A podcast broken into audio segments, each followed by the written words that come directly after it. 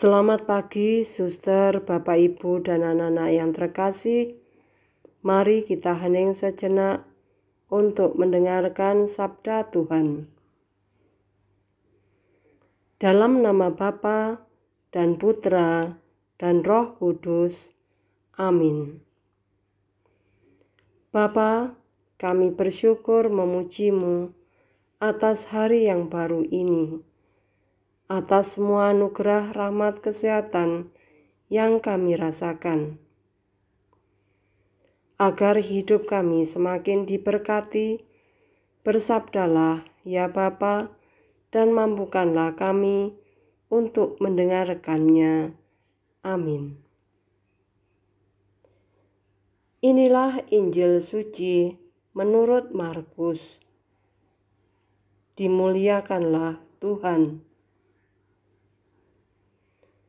Pada suatu hari, datanglah ahli-ahli Taurat dari Yerusalem dan berkata tentang Yesus. Ia kerasukan Belzebul. Ada juga yang berkata, dengan kuasa penghulu setan, ia mengusir setan. Maka Yesus memanggil mereka, lalu berkata kepada mereka dalam perumpamaan, Bagaimana iblis dapat mengusir iblis? Kalau suatu kerajaan terpecah-pecah, kerajaan itu tidak dapat bertahan. Dan jika suatu rumah tangga terpecah-pecah, rumah tangga itu tidak dapat bertahan. Demikianlah juga kalau iblis berontak melawan dirinya sendiri kalau ia terbagi-bagi, ia tidak dapat bertahan, malahan sudah tamatlah riwayatnya.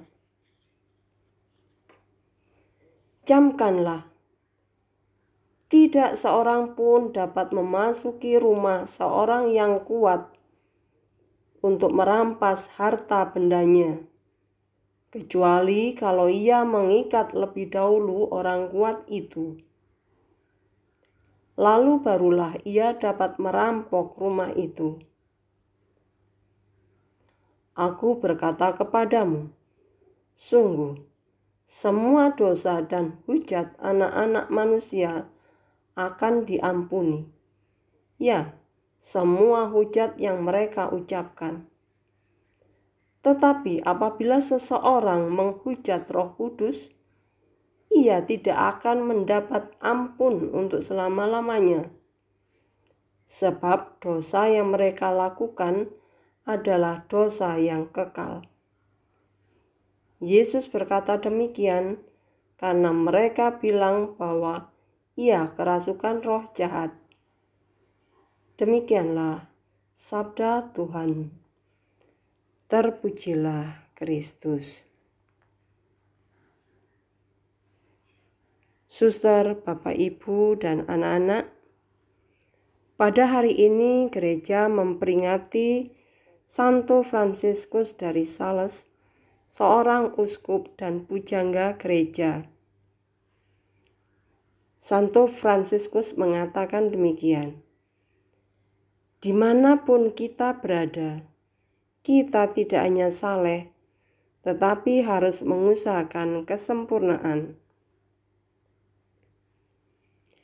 Dari ucapan ini, saya merasa ada kekuatan Roh Kudus yang menyertainya. Menurut saya, orang yang berpikir positif adalah orang-orang yang hatinya dikuasai Roh Kudus. Berbeda dengan ahli-ahli Taurat yang senang menghujat Yesus, senang memberikan penilaian negatif pada apa yang dilakukan Yesus. Dalam Injil yang kita dengarkan tadi, ahli-ahli Taurat dari Yerusalem berkata tentang Yesus. Ia kerasukan Belzebul. Ada juga yang berkata, dengan penghulu setan ia mengusir setan. Nah, menurut saya, orang yang berkata seperti ini adalah orang-orang yang dikuasai oleh rasa iri, dengki, takut tersaingi, dan lain-lain. Perasaan yang demikian bukan hanya menyakiti orang lain, tetapi juga merusak diri sendiri karena hidup menjadi tidak damai.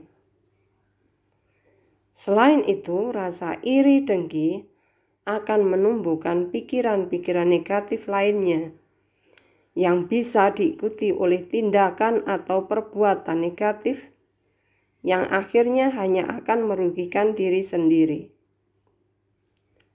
Yesus juga berkata, "Semua dosa dan hujat anak-anak manusia akan diampuni. Ya, semua hujat yang mereka ucapkan. Tetapi apabila seorang menghujat Roh Kudus, ia tidak akan mendapat ampun untuk selama-lamanya, sebab dosa yang dilakukan adalah dosa yang kekal." Untuk ini semua, Marilah, hendaknya kita senantiasa memohon penyertaan Tuhan dalam setiap kata dan tindakan kita, supaya roh ilahi selalu menyertai dan membimbing kita. Amin. Marilah kita berdoa. Allah Bapa yang Maha Rahim, secara mengagumkan, Engkau telah melembutkan hati Santo Fransiskus kami mohon, kuasai hati dan pikiran kami, agar kami senantiasa berpikir benar, bertindak bijaksana, sesuai yang Engkau kehendaki.